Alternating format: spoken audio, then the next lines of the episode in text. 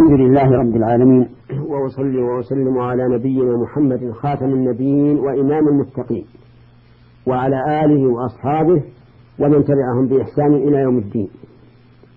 أما بعد أيها المستمعون الكرام فهذه هي الحلقة من حلقات أحكام من القرآن الكريم. قال الله تبارك وتعالى وما أنفقتم من نفقة أو نذرتم من نذر فإن الله يعلمه. وما للظالمين من أنصار. الجملة هذه شرطية يعني مهما أنفقتم من نفقة قليلة أو كثيرة فإن الله تعالى يعلمها. وكونه يعلمها تبارك وتعالى يعني أنه سيجازي عليها. كما قال الله تعالى فمن يعمل مثقال ذرة خيرا يره ومن يعمل مثقال ذرة شرا يره. وهو سبحانه وتعالى غني كريم. يجازي الحسنة بعشر أمثالها إلى سبعمائة ضعف إلى أضعاف كثيرة. أو نذرتم من نذر أي قمتم به من واجب لأن الواجب في الشرع يسمى نذرا كما قال الله تبارك وتعالى ثم ليقضوا تفتهم وليوفوا نذورهم وليطوفوا بالبيت العتيق وقال تعالى في وصف الأبرار والأخيار يوفون بالنذر ويخافون يوما كان شره مستطيرا. فإن الله يعلمه لا يخفى عليه سواء أعلنتموه للناس أو أخفيتموه عنهم. وما للظالمين من أنصار أي ليس للظالم الذي ظلم نفسه بتفريطه في الواجب أو انتهاكه المحرم سواء في حق الله أو في حق العباد من أنصار ينصرونه أي يمنعونه من عذاب الله. في هذه الآية الكريمة الحث على الإنفاق في الخير وأن ذلك لن يضيع. وفيها أيضا الحث على القيام بما أوجب الله عز وجل وأن ذلك لن يضيع. وليعلم أن القيام بالواجب أحب إلى الله تعالى من القيام بالتطوع.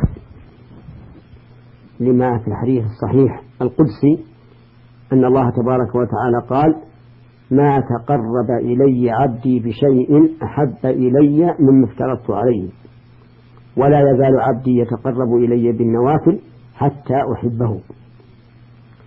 وكثير من الناس يظنون أن النوافل أفضل من الواجبات وهذا غلط. بل الواجبات أفضل. لكن النوافل مكملات للواجبات تكمل بها الفرائض يوم القيامة. وليعلم أن هذه الآية ليست في النذر المعروف الذي هو إلزام الإنسان نفسه بطاعة الله عز وجل. فإن هذا النذر الذي هو إلزام الإنسان نفسه بطاعة الله عقده مكروه. نهى عنه النبي صلى الله عليه وعلى آله وسلم وقال إنه لا يأتي بخير ولا يرد قضاء.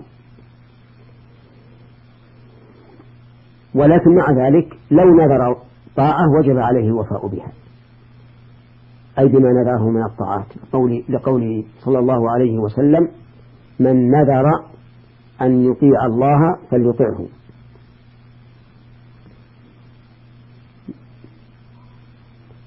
سواء علق هذه الطاعة على حصول مطلوب أو اندفاع مكروه أو نذر طاعة نذرا مطلقا غير معلق بشيء.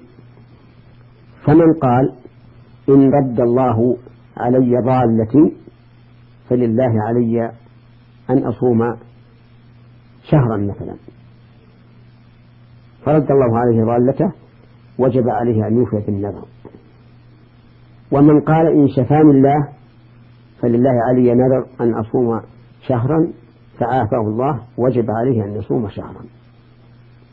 ومن قال لله علي نذر أن أصوم شهرا وجب عليه أن يصوم شهرا.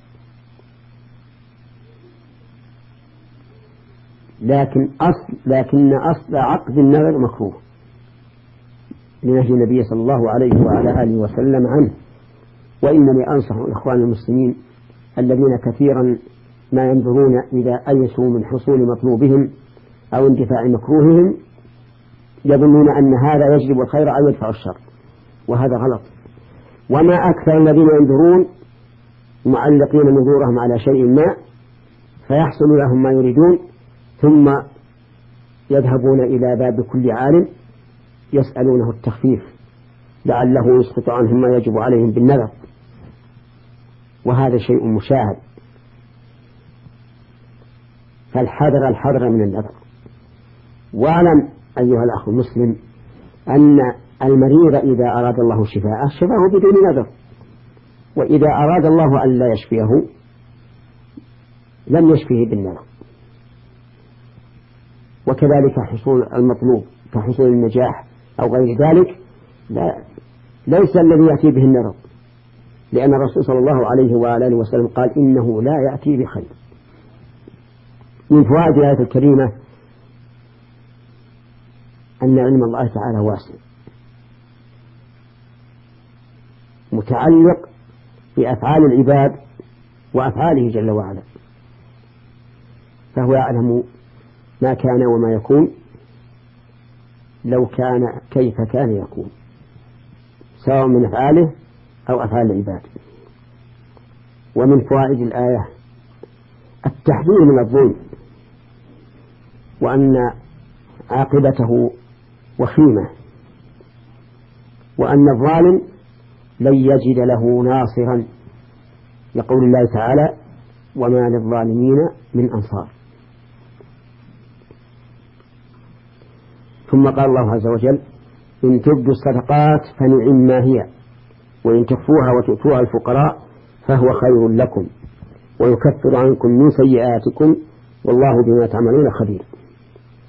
إن تبدوا الصدقات أي تظهروها وتبينونها للناس وتبينوها للناس. فنعم ما هي أي فنعم ما هي فنعم ما هي الصدقة. فهي خير على كل حال. سواء أبداها الإنسان أم أخفاها. وإن تخفوها وتؤتوها الفقراء فهو خير لكم. خير لكم من وجهين. الوجه الأول أن إخفاء الصدقات أبعد من الرياء وأدل على الإخلاص. هي خير لكم من جهة أن الفقراء لا يبدو للناس أنهم فقراء يتصدق عليهم فتنكسر قلوبهم. فإذا أعطيت الفقير الصدقة خفية كان هذا أطيب لقلبه وأبعد عن ذله. ولهذا قال فهو خير لكم أي خير لكم من إبدائها لكن الصدقة كلها خير. ويكفر عنكم من سيئاتكم أي يكفر من سيئاتكم بصدقاتكم. كما قال النبي صلى الله عليه وعلى آله وسلم الصدقة تطفئ الخطيئة كما يطفئ الماء النار وصلاة الرجل في جوف الليل يعني تطفئ الخطيئة كما يطفئ الماء النار. ثم ختم ختم الله عز وجل الآية بقوله والله بما تعملون خبير أي عليم. والخبرة أبلغ من مجرد العلم لأن الخبرة هي العلم ببواطن الأمور. فيخبر عز وجل أنه عليم ببواطن الأمور كما أنه عليم بظواهرها وإلى هنا ينتهي القول ونذكر حكم أو أحكام هذه الآية وفوائدها في حلقة قادمة إن شاء الله. والسلام عليكم ورحمة الله وبركاته.